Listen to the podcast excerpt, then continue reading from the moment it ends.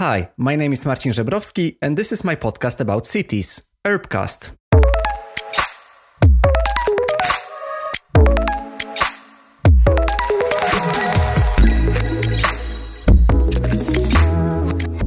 Hi, and welcome to the newest episode of Urbcast. In this episode, I want to focus on air pollution, especially the air pollution in Copenhagen, as maybe it might come as a surprise to you, but Copenhagen actually has some air pollution as well, even though so many people bike here. It is over 60% of the citizens of Copenhagen in, in some recent studies that use bike on the daily basis. There are still more and more cars in Copenhagen, as well as mm, the air pollution. And today I'm talking to Rasmus Reeh, who is the independent consultant on digital solutions for green transition. And he has a lot of experience from the Copenhagen Solutions Lab, as well as the Copenhagen municipality. I was inspired to record this episode after I seen Rasmus post on LinkedIn, posted an, an interesting observation and a map with the most recent implications guidelines by the WHO and how does it influence Copenhagen. I think that this is important to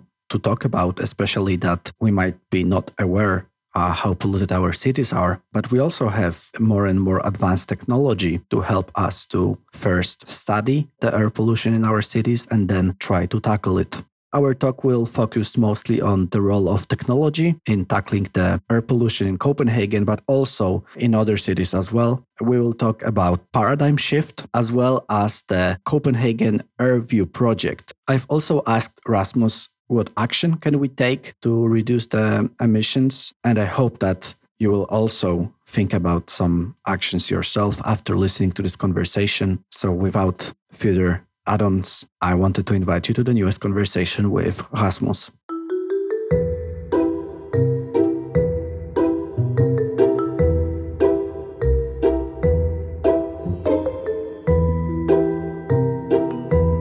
Hello, Rasmus, and thank you very much for joining the show. Thank you.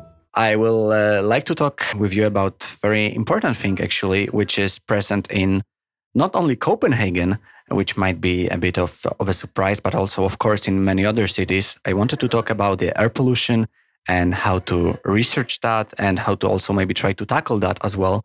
But before we just dive in this very complicated topic, I would like to ask you to introduce yourself in your own words. So I am living in Brussels, and uh, before that, I worked in the city of Copenhagen for Copenhagen Solutions Lab. And the, the nature of my work has been to try to use new technology into solving the problems we have.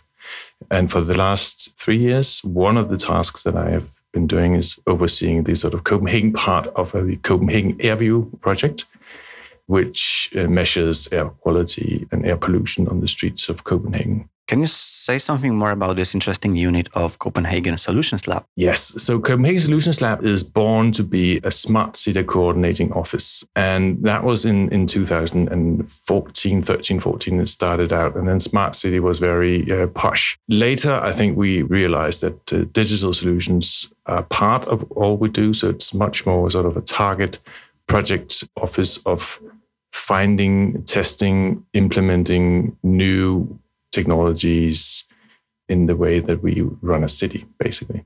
Do you think that the technology will be our main ally in tackling the different challenges we have? And one of them, of course, is the, the air pollution that we're going to talk about today. But do you think that the technology is, is the biggest ally? No, that's a quick, the, the quick answer.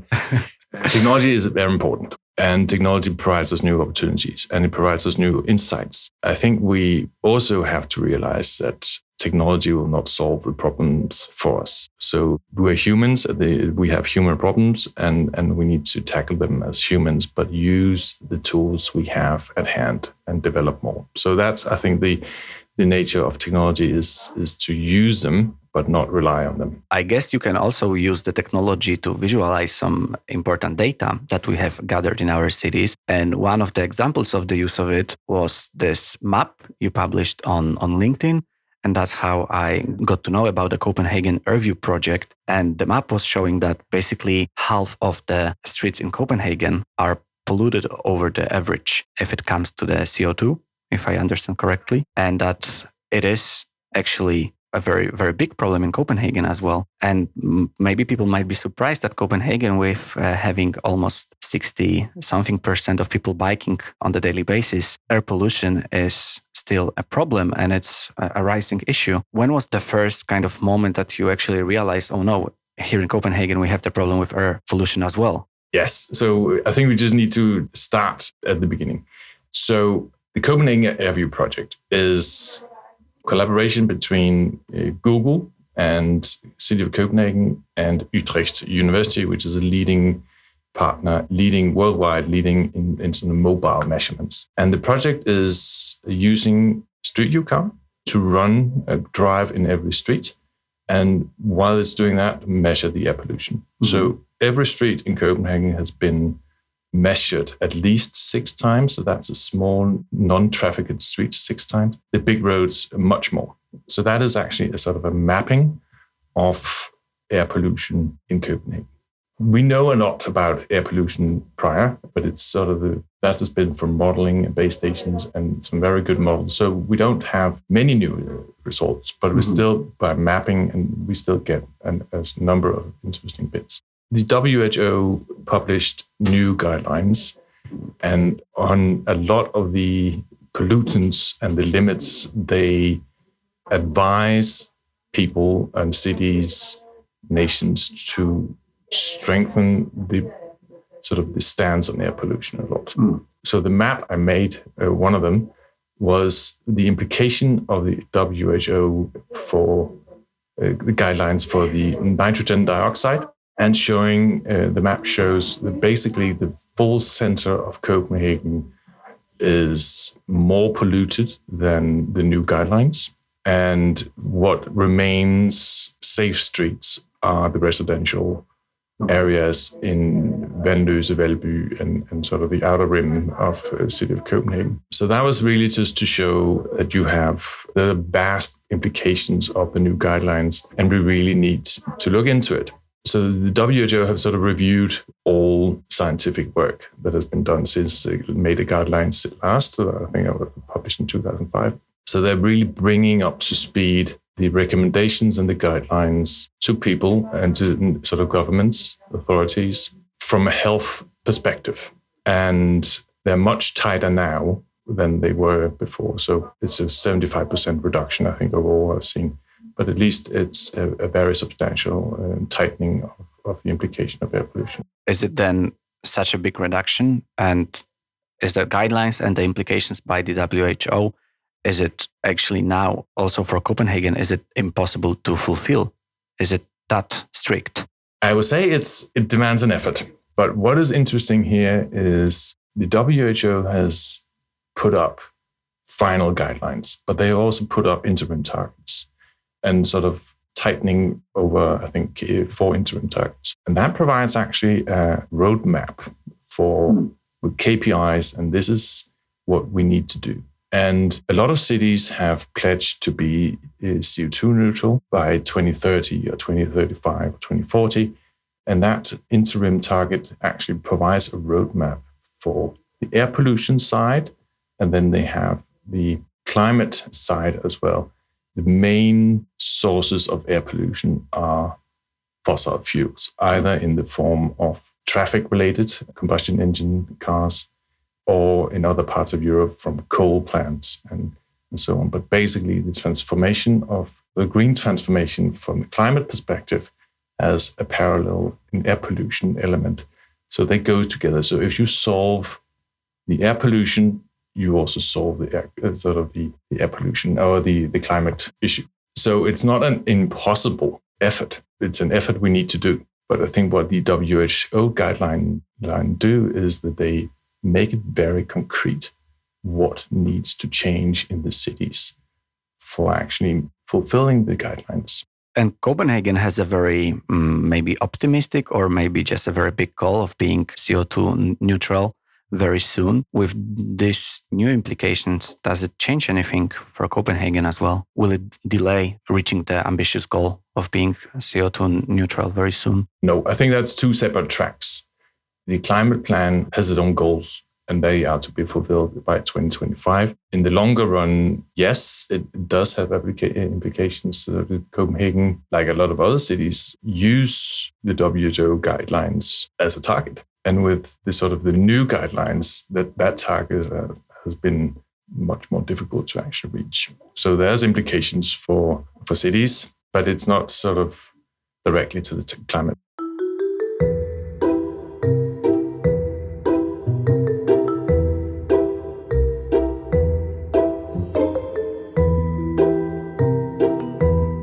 We are also able to talk about this on the example of Copenhagen because of the data, right, that was provided in the Copenhagen Airview project, which was the very first citywide mapping of the ultrafine particles. Can we just talk a bit more about the, the project? Because it interests me a lot. It was like this broad collaboration between also the Utrecht University and the city of Copenhagen and Google as well. Can you share some background about this project? How did it start and how can we basically summarize it right now? Yes. So the project started in, I think, 2017, where we had talks with Google about collaboration. And this was one of the things we talked about. Google is interested in having a deep, really deep dive into air quality. They're now mapping up all their street view cars with air sensors, although uh, sort of a another type of sensor, but really were interested in having sort of a deep dive into a city, a number of cities to understand how they could work with air quality from a sort of a street view car perspective. They'd done it in a number of American cities. Oakland was the first, but there are differences in the layouts of cities and also what type of engines you have and so on. So there's a lot of, sort of European context. Mm. Um, so that was the issue we in the city of Copenhagen was actually quite interested in understanding the, the ultrafine particles. And ultrafine particles is a relatively new thing to study. It's 20 years or so. But what it is, is the particles that you come out of a combustion engine at the tailpipe. So it's they're very small, size of two, three molecules. Molecules. They are also more potent in toxicity at least when we come to uh, sort of lab results, they show very sort of they have a different disease pattern than than a lot of other uh, known air pollutants, and sort of having an understanding of what is the level of UFP, or sort of ultrafine particles in Copenhagen, we were very interested in. We didn't know that at the time. So that was actually sort of a brand new we now have a mapping of ultrafine particles. So that's one result. So what we're doing in the air pollution we measure is the air pollution that is created in the streets. So that is a sort of a bias of using a car, whereas universities also use a lot of other sources and just sensors, but also atmosphere models and stuff. So, so they have it's two different types of measuring, but actually they are quite in agreement and alignment. So for the most parts, they look the same when we look at the other pollutants. But I think one of the elements that we now have that was perhaps a little bit of a surprise is how high the air pollution of ultrafine particles is on motorways. So we haven't looked on air pollution on motorways so much. I think that's a very important insight because you are not protected when you sit in a car. So when you're in a car, you're actually in the middle of the fumes every day if you commute, but you sit right in the fumes in the car at a very high concentrations for sort of duration of time for half an hour, an hour in the morning, and half an hour, hour in the evening. And that is actually, I think, one of the insights that I find that we haven't picked up on as a society yet, that air pollution might actually not be so much urban problem, but actually much more of a suburban commuting problem because of the exposure that, that people get when they're in the car on the way and so on. Saying that it kind of doesn't touch me or, or it doesn't influence me because I'm biking to work, it's not a valid argument anymore if you are biking along the motorways, right? As it might be in Copenhagen along the one of the biggest boulevards in the city, if I understand correctly. Exercise is good. Mm-hmm. and active transport is by far better in most circumstances. But when you are in very high polluted areas, then the exercise is also annihilated. Sort of the benefit of exercise is annihilated by the pollution. So being exposed to high levels of pollution with your heart pumping, high heavy breathing is not necessarily very healthy. That is, I think, one of the new insights that is coming along that it's, that it's actually not. So choosing safe routes, green routes, less trafficked routes are very good for you.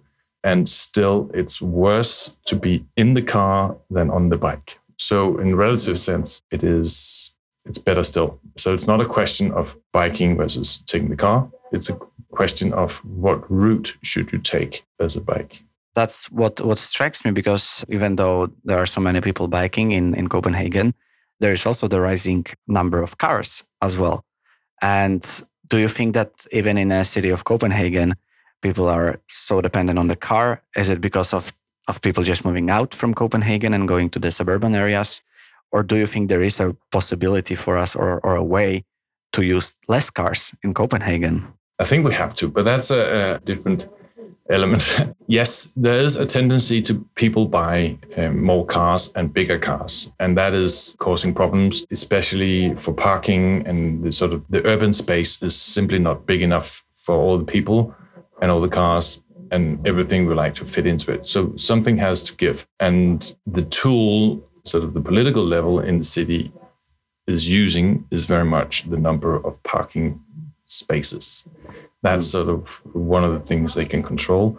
Also, there's opened up for we can have ultra low emission zones where we actually sort of go above the national targets for emission zones and and make sort of new neighborhood types where you have less cars or only electrical or so on. So I think we'll see a new some new solutions in the form that we will have sort of uh, car-free uh, areas. And the city of Copenhagen is testing sort of the center of city as a car-free part of the city, and not car-free in the in the sense that it's you cannot go there by car, but mm-hmm. you have a very much harder time finding a parking space. So you can go through a certain number of, of streets, but and you can park for a number of minutes for for loading. Those uh, sort of practical things are still being tested, but a, a sort of a, a much less car influenced part of the city is is on on the table for the cities, I think, and th- that is also what we see in London and what we see in Paris. That sort of the the people strikes back, so to speak. The cars are being pushed a little bit out of of the cityscape.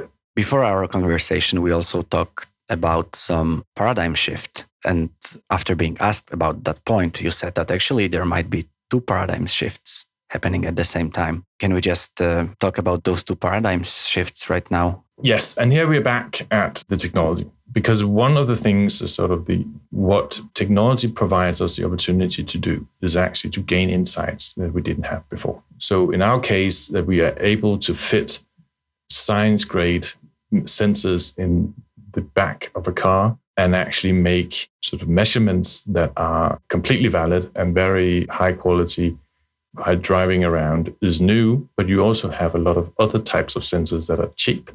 And the more we get of those types, we get new insights. And in that, also we have satellites that can look at look at it from above. So we have a lot of different new insights from technology. And when we look at that, what the importance of air pollution is accelerating. The understanding how important it is is accelerating. Uh, the WHO is listing air pollution as the third killer in the world. And that is because we have these new data insights. Also, for the, the sort of new types of particles, ultrafine particles, we'll also see new disease associations. So, actually, the ultrafine particles' ability to, to go directly into the bloodstream and into the brain's cells and so on opens up investigations and documentations of sort of mental diseases, of obesity, and sort of diabetes types that we haven't seen before. And the paradigm shift, I think, that comes with it is that we are usually talking about air pollution and the damage it does in the form of premature death in mm. strokes, cancers, and those types of diseases. But the paradigm shift is very much shifting a perspective for a lifelong harm from air pollution that starts prenatal. Uh, there's a documentation and association of prenatal exposure to autism diseases and those types. So I think there's a paradigm shift in the way we understand air pollution. So that's one. The second bit is that as we understand all these different types of diseases, there's also an increasing understanding of the welfare cost. In, this, Copenhagen or Denmark uh, or Western Europe, that's very much sort of hospital and those types of welfare costs. So, in that sense, the connection between air pollution and climate, you see that air pollution provides a way to finance some of the, the sort of climate investment that's needed. We, we get the return on investment for climate is really in the health of people. So that I think is also a very important one. And then there's a large paradigm shift, and that is really one of the things that we haven't and the one have worked out. But we need to understand how we can live in a broader sense where we don't have to rely on a car? And that is a very broad question that goes into the labor market and our flexibility of labor market, how much we travel, how we work, but also how we, we run our, our sort of our society in, in a much broader sense. And that is a thing we need to understand as we go along. But I don't have the silver bullet sort of answer to that.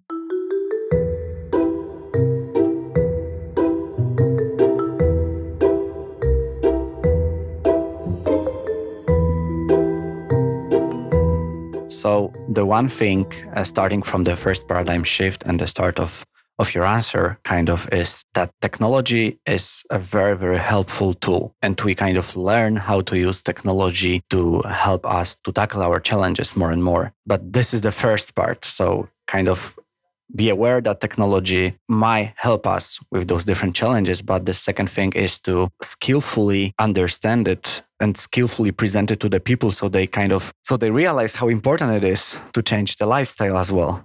As you mentioned we mentioned about being very dependent on the car and that people really need to kind of rethink how they commute and how they work and there has to be a bigger change in the societies as well and who do you think might be the most influential actor in this change? Do you think that people like we ourselves, do you think we will just one day wake up and think, okay, since like from today, I will just use bike or something else just to be healthy, or I will avoid the most polluted roads in my city? Or do you think there is the responsibility lies more on the technology sector actors, or maybe it is the municipalities that should nudge and expects some certain behavior from the citizens. Do you think that there might be this big puzzle, the big puzzle game and different actors involved? And yeah, I think my question is about like who can be the main actor in your opinion leading the this change and this paradigm shifts?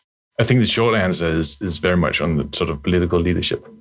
I think there needs to be an understanding that we cannot just say to people, just give it as an individual task, change your life but then we need to put as a society infrastructures and new possibilities to actually do it. So if you if you live in Copenhagen, it's natural if you go inside the city, it's natural to use the bike. And that makes sense. Mm. But if you are living outside and you have kids in school or institutions, you have wife or your husband is working another place, so you both have different places to be, and you need and you have obligations to be somewhere at some point, then you need to have infrastructures that, that make sure that people can actually use them in a way where it makes sense. At the moment, I was, I think some parts of sort of Copenhagen sprawl has three times longer commute by public transport than by car transport. It's very difficult to see a personal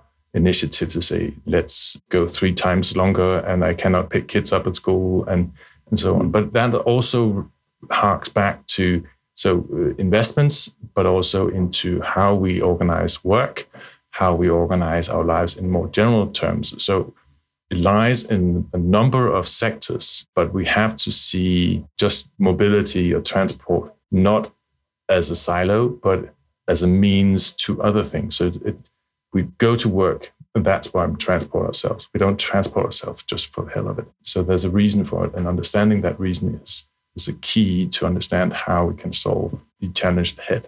So there has to be some motivation for the change as well, as I understand it, and the broader understanding how interconnected it is. that our decision of taking one on or another way of transportation, for example, or one or another lifestyle has direct impact on the on our life quality and probably longevity as well. Yeah, but also uh, opportunities, valid opportunities, uh, sort of alternatives to to the car.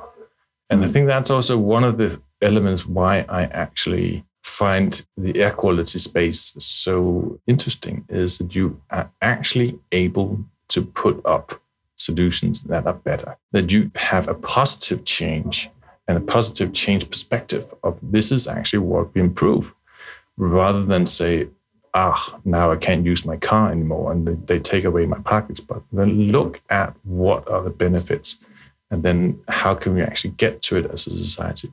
I think we, we, we forget that we need to do the investments in other things and just, well, that's not completely true. So we invest a lot, but we need to have more investments in providing alternatives to, to private cars. Just trying to summarize it, wrap it up in a way. I was thinking on some actions that can be taken to reduce the emissions and to change the way we commute, we transport ourselves and how we how we live as well. And there might be some solutions as maybe combustion vehicle reduction or car free downtown that we mentioned before, or maybe biking even more, or redesigning our streets. Do you think that these measures are sufficient, that they are close to being enough or we should f- look for the solution somewhere else? Yes, I think we haven't really started in the sense uh, that we we need to work a number of fronts. So one is one of the things that we are not working very much on is sort of the demand side. So the people need to change behavior and this is also very easy to say because that's we need to have that understanding of why people and give them provisions and uh, opportunities to, to do so. So, yes, we need to work on all solutions and also find new ways to do it if we have to fulfill the climate goals and also for the air pollution goals. I, of course, don't expect you to, with one answer, just solve the whole problem because that would be, I guess, impossible to just do it with one sentence. But I hope that we can show how important it is to talk about the air pollution and that we have the tools. We, we start to understand the technology even more and that we also have the power of changing things in our own behavior. That would be my short summary. Would you like to add something to this conclusion? Yes. So I think what, what is evident from the air pollution sort of space is that it's how much air pollution is actually inflicting on us on, and also on, the environment in a broader sense. And I think if we can elevate that understanding, I think also we can uh, have people change the way they go about. I think the example of, of the motorway is a, a knowledge that people do not have. People do not know that cars are heavily exposed and being in a car on motorway is being heavily exposed to air pollution because you cannot smell it and you cannot see it and that understanding that you put yourself at risk is a potential very strong force to drive change. So that is the one side. But I think we also need to understand that we really need to get alternatives and not just mm. you need to go buy electrical cars, but also we need as a society to come up with new solutions. And uh, the last, more personal part of this conversation is that I would love to ask you for some recommendation. If you would like to share a book or other practical piece of information that the listeners could just check after our conversation, maybe to understand the topic better? Yes. So one book that actually comes to mind, and that is is not directly on air pollution, but it's about the sort of target and the, and the road ahead. Is Danny Dorling. It's called Slow Down, and it's a book where he describes sort of the slowdown of the acceleration of the society and. Mm and how um, the number of people are stagnating and, and how the, the sort of the economic growth is, is stagnating. And he has a sort of very interesting holistic perspective of how that actually sort of will influence us and, and also perhaps provide some sort of a playing field for how to drive change with the new sort of new change ahead of in front of us. So Danny Dorling's Slow Down is a very interesting book. And I think that's sort of my recommendation, even though it's not really on air quality uh, specifically. Thank you. And where people can reach out to you, and maybe if they would like to get to know something more, about the project or or your work? So they can find me. I think LinkedIn is is probably the best. Just uh, Google uh, search my name Rasmus Reeh, then they will, will find me in on LinkedIn. I think that's sort of the best place to do it. Rasmus, thank you very much for our conversation. I hope that it didn't have too much of the pessimistic uh, outcome. I hope that we still are on a good track, or we are being, uh, or we are trying to be on a better track at least. So Thank you very much for sharing all this. Welcome.